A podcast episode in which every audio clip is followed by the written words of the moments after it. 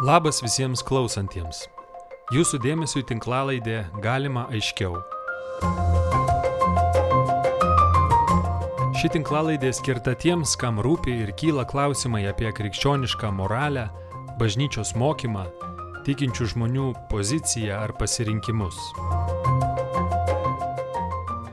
vis tiek bažnyčia prieštarauja abortams, abortams ir apskritai tai yra moters teisė spręsti, ką daryti su savo kūnu. Kaip gali kunigo meilė konkrečiam žmogui trukdyti jo meilę į Dievui? Kodėl pornografija yra, nu, apskritai, bažnyčioje, kaip sakai, draudžiama ir kas joje yra tokio, juk ten yra tas pats seksas, kuriuo, pavyzdžiui, gali užsiimti ir, ir santokoje gyvenanti pora. Ir ką daryti homoseksualams, jeigu jie, pavyzdžiui, negali savęs pakeisti? Nu, pavyzdžiui, kažkaip nori, bet, nu, negali pakeisti savęs, nu, niekaip negali perlipti. Tai ką jiems daryti? Vilniaus akademinės Jėlovados centras savo veikloje bendraudamas su aukštųjų mokyklų studentais, diskusijose ir pokalbiuose surinktus jų klausimus, perdavė žmonėms, kurių įrašytus atsakymus girdėsime tinklalaidėje.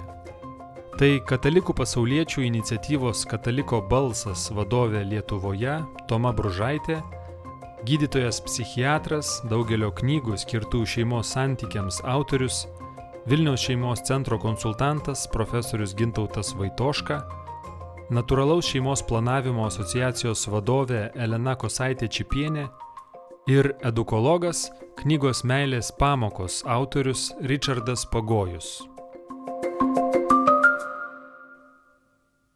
kodėl pornografija yra, nu, apskritai, bažnyčioje, kaip sakyt, draudžiama ir kas joje yra tokio, juk ten yra tas pats seksas, kuriuo, pavyzdžiui, gali užsiimti ir, ir santokoje gyvenanti pora. Kodėl tai yra blogai?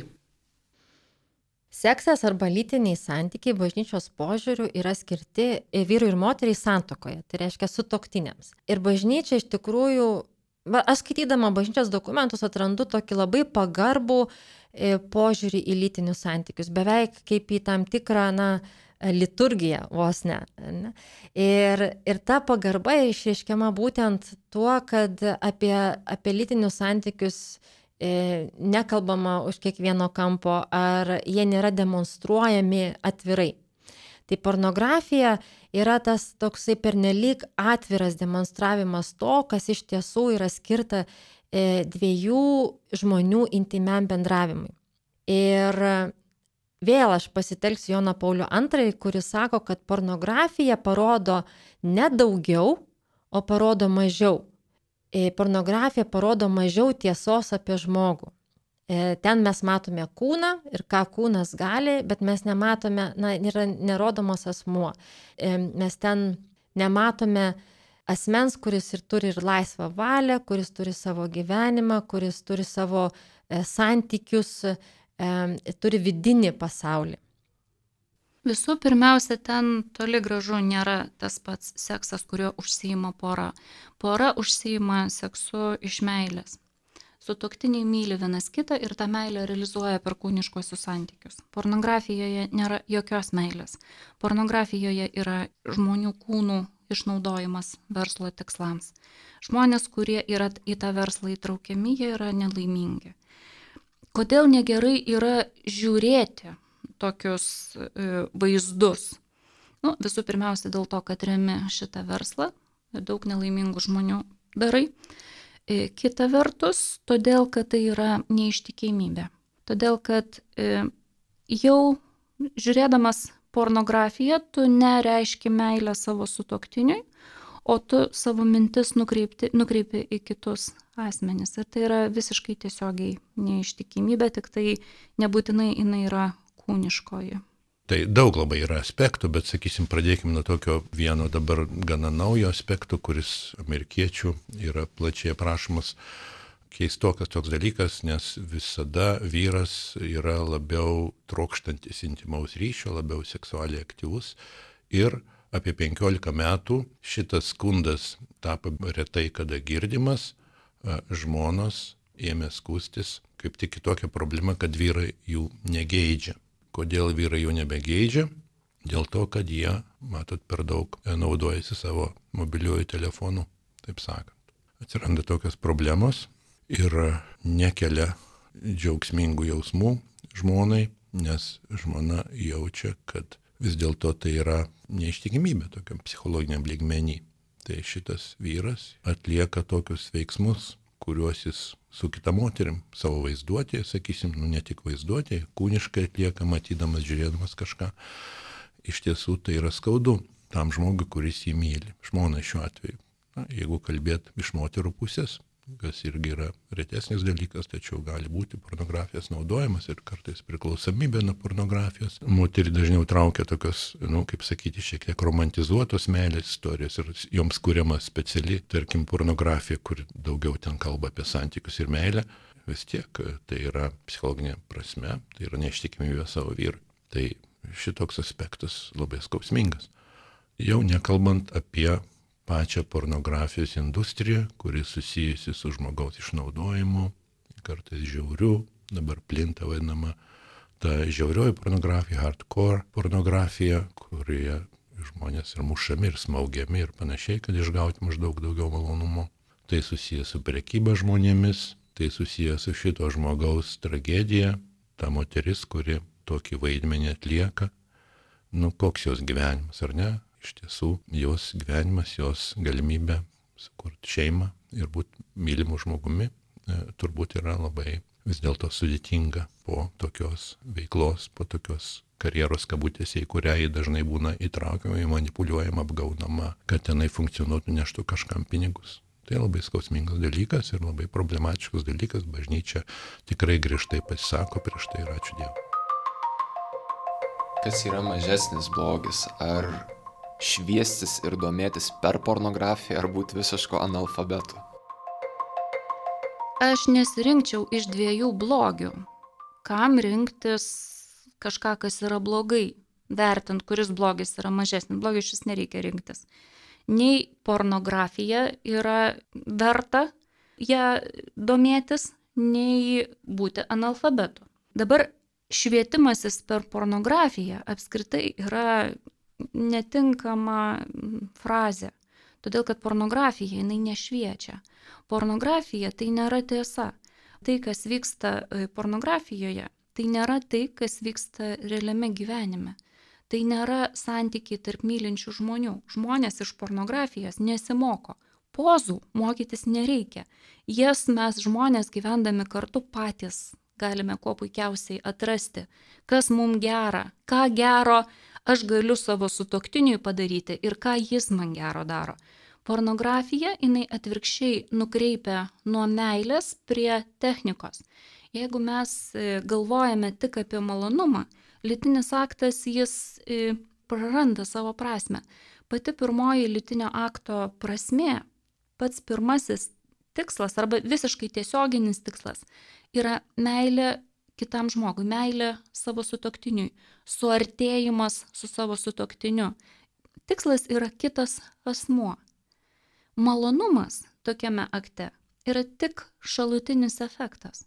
Labai pageidaujamas šalutinis efektas, bet tik tai šalutinis efektas. Ir jeigu malonumų nėra, bet yra meilė, jau yra didelis dalykas.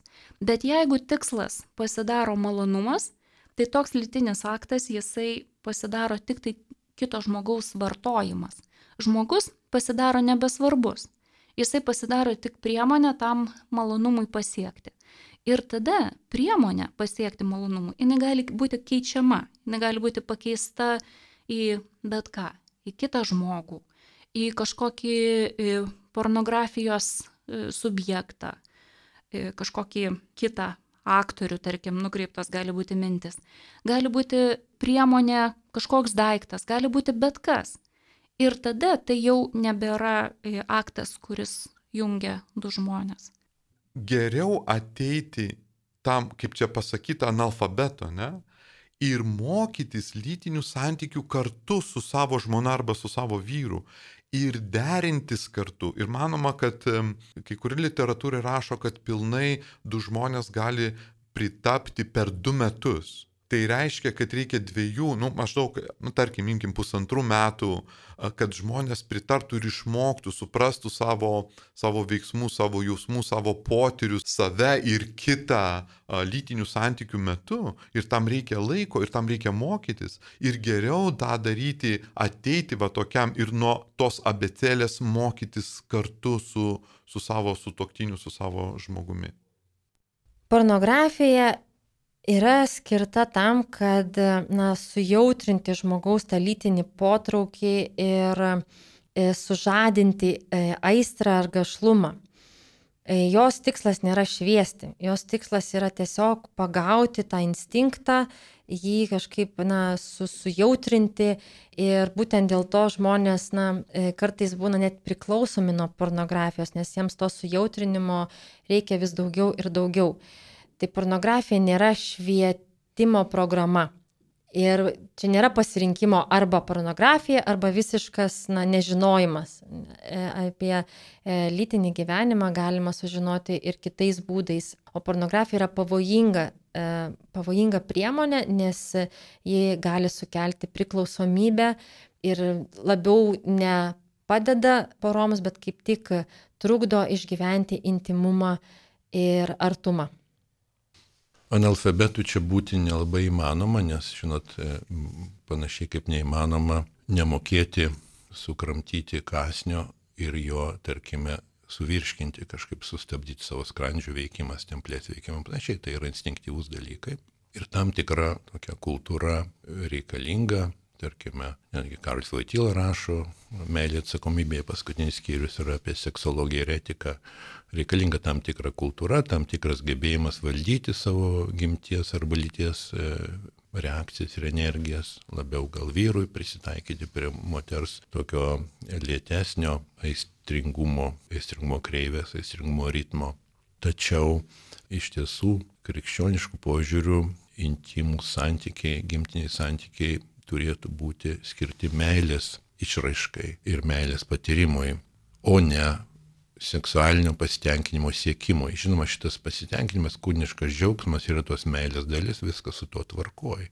Tačiau vis dėlto, kada du žmonės siekia seksualinio pasitenkinimo, taip sakant, fiziologinio pasitenkinimo, iš ties jie yra du žmonės naudojantis vienas kitą ir iš tiesų neretai ten gimsta pretenzijos, kad tu taip, o aš taip ir tu pakankamai, ir tu nepakankamai, kaip sakant, sukūrė man malonumo, tai yra nu, dviejų egoizmų tam tikras šokis ir labai dalyką nuskurdinantis. O ką jau kalbėti apie pornografijos žiūrėjimą, kuris yra susijęs su vis dėlto, kaip sakant, tam tikros kartotekos savo smegenyse kūrimu ir paskui su šitais paveikslėliais tavo vyras arba tavo žmona yra visada lyginami tavo galvoje, kur čia geriau ir panašiai, na, tai yra pakankamai skurdi ir apgailėtinas rytis.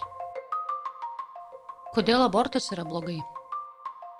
Ar abortas negalimas jokiais atvejais, net ir tada, kai grėsia pavojus motinos sveikatai arba gyvybei? Klausimas dėl abortų. Kodėl e, bažnyčia kalbėdama apie ten brolišką meilę, mylėkime vieni kitus, apie Dievo meilę, bet kodėl taip vengia moteris, kurios, pavyzdžiui, dėl išprievartavimo atvejo e, nu, nenori susilaukti vaiko arba jis gali gimti neįgalus kodėl tokiu atveju vis tiek bažnyčia prieštarauja abortams, abortams ir apskritai tai yra moters teisė spręsti, ką daryti su savo kūnu. Pradėkime nuo to, kad bažnyčia tiki, bet tai yra ir moksliškai patvirtinta, ne kad žmogus prasideda apvaisinimo momentu. Tai nuo to momento jau yra visiškai atskiras e, žmogus, kuris vystosi, labai nuosekliai vystosi iki na, pilnavertiško, pilno sveiko, e, na, galinčio gimti žmo, e, žmogaus. E, bažnyčia taip pat tiki, kad tuo apvaisinimo momentu žmogus jau yra pilnai žmogumi, tai reiškia, kad jo kūnas vystosi, bet ir jo siela jau egzistuoja, jau yra. Taigi apvaisinimo momentu, nors galbūt tas mažas vaikelis dar nepanašus į žmogų, tai jau yra žmogus, tai jau yra žmogaus gyvybė. Ir čia yra absoliuti bažnyčios, na, tokia nuostata, kad žmogaus gyvybė negali būti nutraukta jokiais atvejais, bažnyčios tokia pagrindinė vertybė tai yra žmogus ir jo gyvybė. Ir visada sprendžiant tokius etinius, biotinius klausimus, viskas bus daroma, kad toji gyvybė, ta, tas žmogus būtų išsaugojamas. Dabar iš prievartavimo atveju, na, truputėlį nesažinga sakyti, kad e, moteris bažnyčia engia, neengia, manyčiau, kad e, tiek bažnyčia apskritai, bet ir tikintieji e, yra daugybė įvairių iniciatyvų, kurios padeda moteriams atsidūrusiems tokiuose situacijose nes taip, e, kai moteris yra išpravartauta, tai yra visiškai tragiškas įvykis, bet e, pasvarstykime, ar tikrai tas vaikelis, kuris gimė, kuris neprašė, kad tokiomis aplinkybėmis gimtų, tos aplinkybės nuo jo visiškai nepriklauso, ar tas vaikelis tikrai, na, turėtų sumokėti savo gyvybę už šitą nusikaltimą. Tai tik tai toks atviras klausimas, ar ne? Abortas nėra vienintelė išeitis. Man atrodo, kad mes kartais e, suklystame, manydami, kad tai yra vienintelis kelias. Ne, moteris gali pagimdyti, gali atiduoti vaikinti, galiausiai yra daugybė pavyzdžių, kai moteris ir iš privartavimo atveju susilaukia vaikelio ir jį myli ir mato jį kaip tam tikrą vienintelį gerą dalyką, kuris išėjo iš tos situacijos geras. Lietuvoje abortą yra galima atlikti iki 12 savaičių, nesant jokių visiškai indikacijų, nuo 12 iki 22 savaičių, jeigu yra kažkokių priežasčių, medicininių priežasčių. Pavyzdžiui, grėsia pavojus motinos sveikatai arba gyvybei arba panašiai. Ir dabar įsivaizduokit, jeigu yra 22 savaitės, tai yra 5 mėnesių vaikelis. 22 savaičių gimęs vaikelis, jau jisai gali ir išgyventi. Tai kodėl manyti, kad 22 savaičių vaikelį nužudyti tol, kol jisai pilve, nieko tokio, o jeigu jis, jis jau gimtų, jį nužudyti jau būtų labai didelis blogis. Čia yra savęs apgaudinėjimas, žmonija save apgaudinėja, todėl kad priimti naują gyvybę reikia labai daug drąsos didelė dalis žmonijos nėra pasiruošusi kiekvieną kartą priimti užsimesgusią gyvybę. Jeigu mes turėsim nuostatą, kad gyvybė yra nuo pavaisinimo momento, tai mes tada turėsim dvi gyvybės vienose svarstyklėse ant dviejų lėkštučių. Kuri gyvybė yra vertingesnė - motinos gyvybė ar kūdikio gyvybė? Jeigu gelbsti motinos sveikatą ir gyvybę, ar tikrai kūdikio gyvybė yra mažiau vertinga. Ar jį tikrai dėl to yra verta šalinti. Čia yra pamatinė nuostata, kurios negalima apeiti. Negalima svarstyti, kokie yra tie atvejai, kurie vis dėlto kažkaip čia, nu, va, ypatingos kažkokios situacijos susideda ir gal vis dėlto kažkaip yra svarbiau. Jeigu mes lygiai taip pat palygintume, turime naujagimį ir turime motiną, kieno gyvybė yra vertingesnė abi gyvybės yra vertingos. Abortas jokiais atvejais negali būti gėris. Jis yra vienprasmiškai blogis. Tada moters teisė spręsti, ką daryti su savo kūnu. Tiesa, kad moteris sprendžia, ką daryti su savo kūnu. Bet vaikelis nėra moters kūnas. Niekaip nėra jos kūnas. Kiekviena vaikelio kūno lastelė jinai skiriasi nuo motinos kūno lastelės. Kiekviena moters motinos kūno lastelė, jos tarpusavį yra identiškos, ta prasme, kad kiekviena turi tas pačias 46 chromosomas. Vaikelio lastelės yra svetimos motinos organizmui, 23 chromosomos yra svetimos motinos organizmui. Šitas organizmas, jis yra visiškai savarankiškas, jis yra pats savo. Todėl Kai sakoma, kad moteris negali su savo kūnu daryti, ką nori, tai vaikelis yra jos kūne, bet tai nėra jos kūnas. Bažnyčia yra turbūt viena iš nedaugelio institucijų, kuri rūpinasi šitomis moterimis, kurios didelė dalis jų kenčia labai didelį skausmą visą savo gyvenimą. Ir bažnyčia organizuoja tokių moterų ir sielovadą, Ir įvairios yra grupės, kurios specialiai tokio moterim padeda, tarkim, Rachelės rekolekcijos vyksta ir Lietuvoje. Yra išlaisvinimas, gydimas, paguoda moteriams, kurios yra patyrusios abortą. Abortas tai nėra moters laisvas pasirinkimas. Dažniausiai tai nėra moters laisvas pasirinkimas. Tai yra labai skausmingas sprendimas, kurį moteris priima atsidūrusi labai sunkiose gyvenimo sąlygose. Ir ji tą sprendimą priima tikrai ne iš džiaugsmo, ne iš malonumo, ne iš tingėjimo. Jis tą sprendimą priima iš didelio skausmo, kad aš negaliu savo šito leisti. Ir bažnyčia taip pat organizuoja ir įvairias prevencijos galimybės. Bažnyčia, kitos institucijos, tarkim, krizinio neštumo centras visais būdais padeda moteriams jau patyrusiom abortus, bet labai padeda moteriams kurios svarsto apie šitą sprendimą, tai yra vieta, kur moteris gali ateiti ir, ir gauti fizinę pagalbą, gali gauti finansinę pagalbą. Bet svarbiausia, ką jinai gauna, jinai gauna palaikymą, jinai nebesijaučia vieniša. Žiūrėkit, va, yra celibatas, kunigai negali tuoktis, negali turėti žmonos, negali susilaukti vaikų ir yra daugybė homoseksualizmo atvejų iš kunigų pusės, daugybė pedofilijos skandalų. Gal, pavyzdžiui, jie neįkūnydami to savo vyriškumo paskui ir, ir krypsta ir linksta į tuos visus nukrypimus. Šitoje srityje yra padaryta daugybė tyrimų ir nėra jokio tyrimo, kuris rodytų kažkaip ryšį tarp celibato ir tų nukrypimų ar tų nuodėmių tų um, nusikaltimų, kuriuos padaro vyrai kunigai e, būtent litiškumo srityje. Tai celibatas nėra priežastis nei homoseksualumui, nei pedofilijai. Ir kitas dalykas, ar celibatas padėtų išvengti, na, žinot, čia įsivaizduokite, na, mes matom kunigą vyrą, kuris turi problemų, nesusitvarko su savo litiškumu, nesusitvarko su savo polinkiais ir mes sakom, na, duokim jam žmoną, tarsi kažkokią priemonę, vaistą, tai bent jau tada susivaldys jisai. Ne? Tai mes, mes tą moterį, kurią siūlome, e, paverčiame tam tikrą kažkokią priemonę. Ta moteris neišgydys to vyro.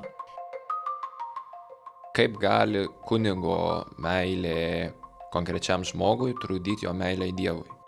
Jeigu dabar pasaulyje kunigų mažėja, o kunigų poreikis išlieka, gal tada labai praktiška būtų panaikinti celibatą, ateitų daugiau kunigų ir bažnyčia būtų stipresnė kaip organizacija, kaip bendruomenė. Kunigo meilė konkrečiam žmogui tikrai negali trukdyti jo meiliai Dievui. Meilė žmogui yra dalis meilės Dievui, jeigu taip galima sakyti. Čia klausimas tik tai, kaip mes tą meilę išreiškėme, kokiu būdu mes tą meilę įgyvendiname. Ar padaugėtų kunigų, jeigu būtų leidžiama Jeigu būtų panaikintas celibatas, tai čia reikėtų prisiminti, kad katalikų bažnyčioje jau yra kunigų, kurie yra susituokę, nes katalikų bažnyčia turi daug tokių dalių, daug e, keletą tokių rytų, taip vadinamų, kur susituokę vyrai gali tapti kunigais.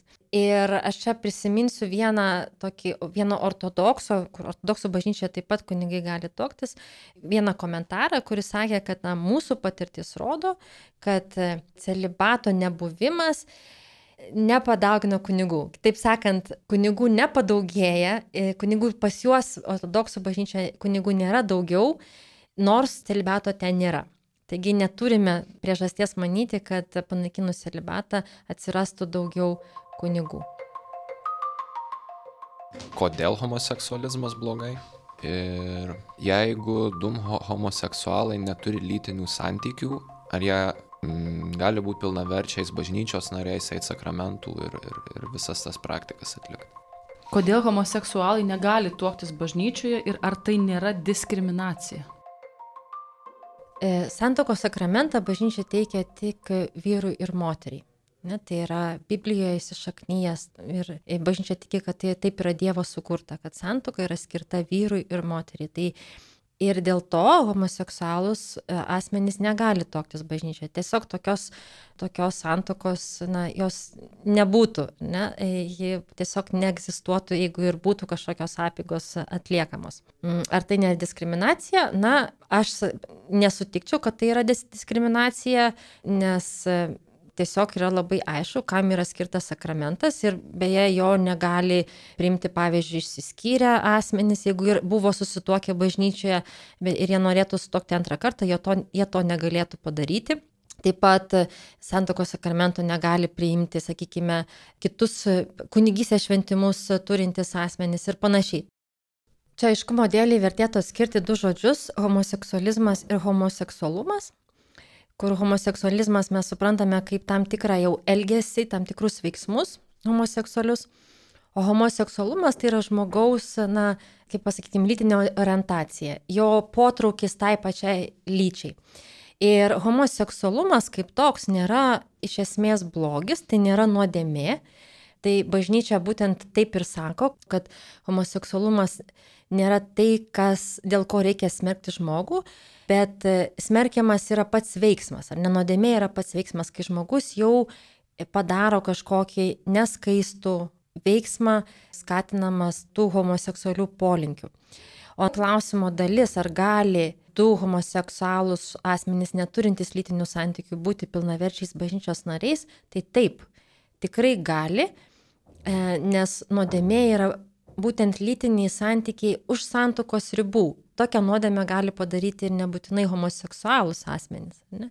Ir nuodėmingas žmogus taip pat gali būti e, ir, ir yra pilnavertis bažnyčios narys, e, tik jis yra kviečiamas atkilauti, keisti savo elgesį ir priimti visus sakramentus.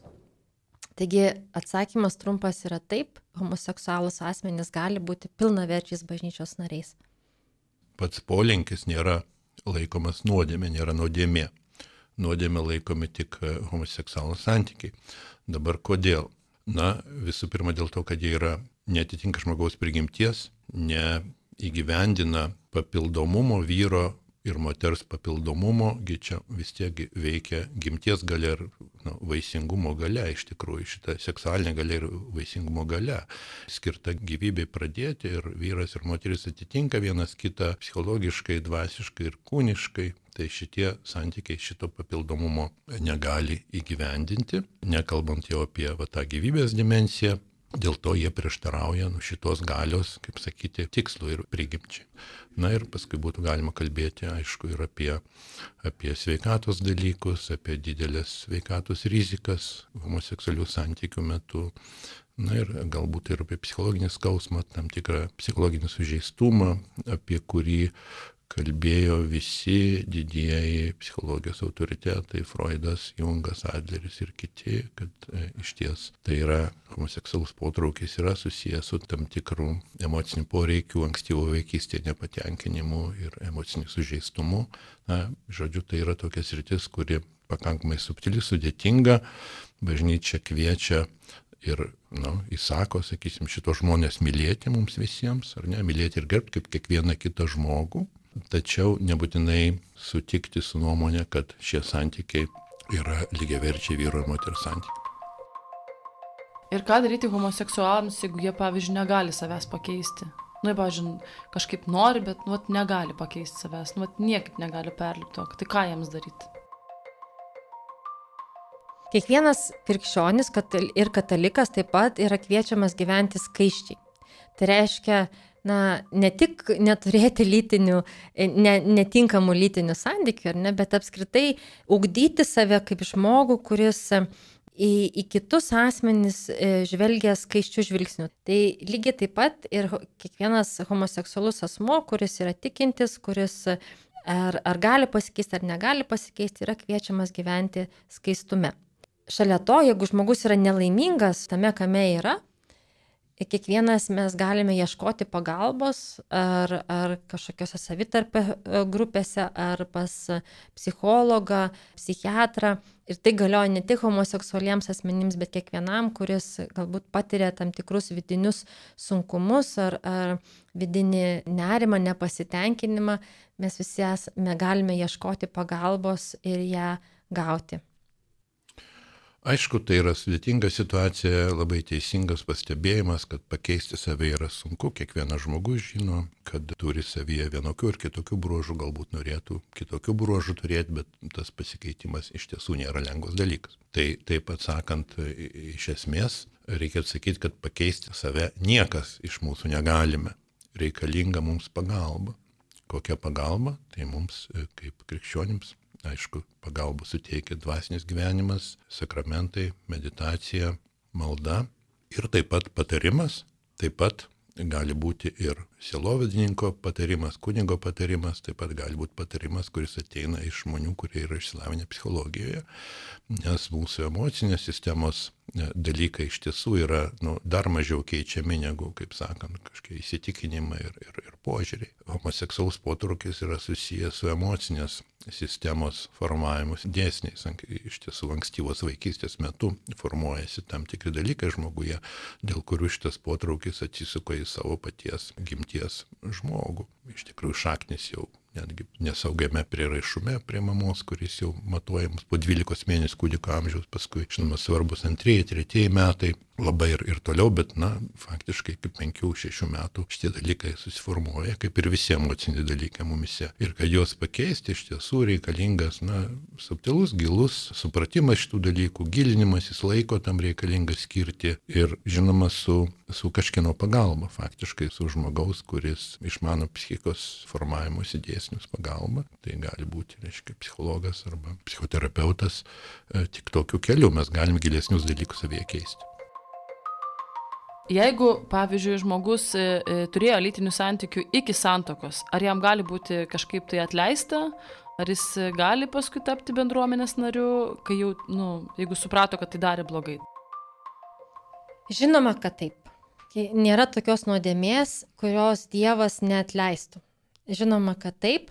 Ir čia dar norėčiau pridurti, kad žmogus, kuris nusidėjo, nėra išmetamas iš bendruomenės. Jisai yra normalus, pilnavertis bendruomenės narys.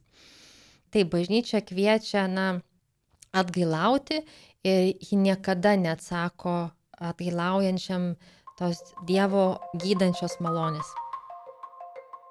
Turint omenyje, kad globalių klimato problemų pagrindinė priežastis yra žmonijos kiekio nekontroliuojamas didėjimas, bažnyčios priešinimasis kontracepcija yra nesuderinimas su tuo, kas reikalinga suvaldyti šiai situacijai.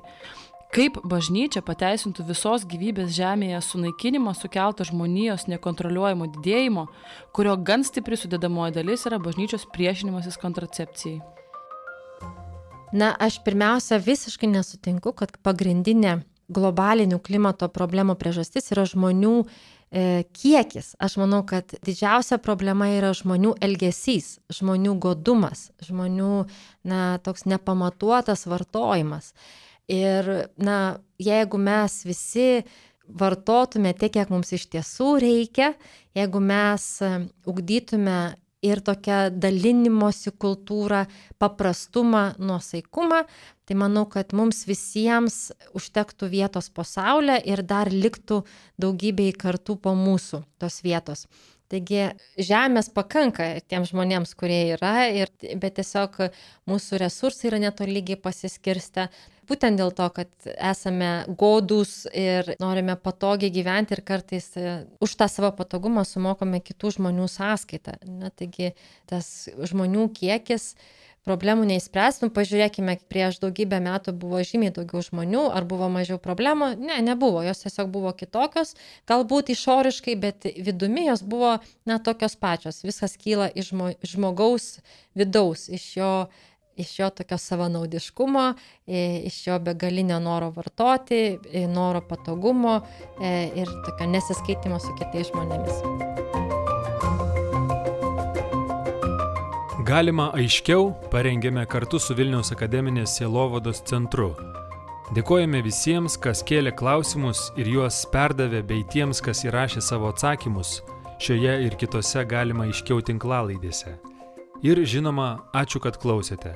Mano vardas Rimas Macevičius. Sudiev.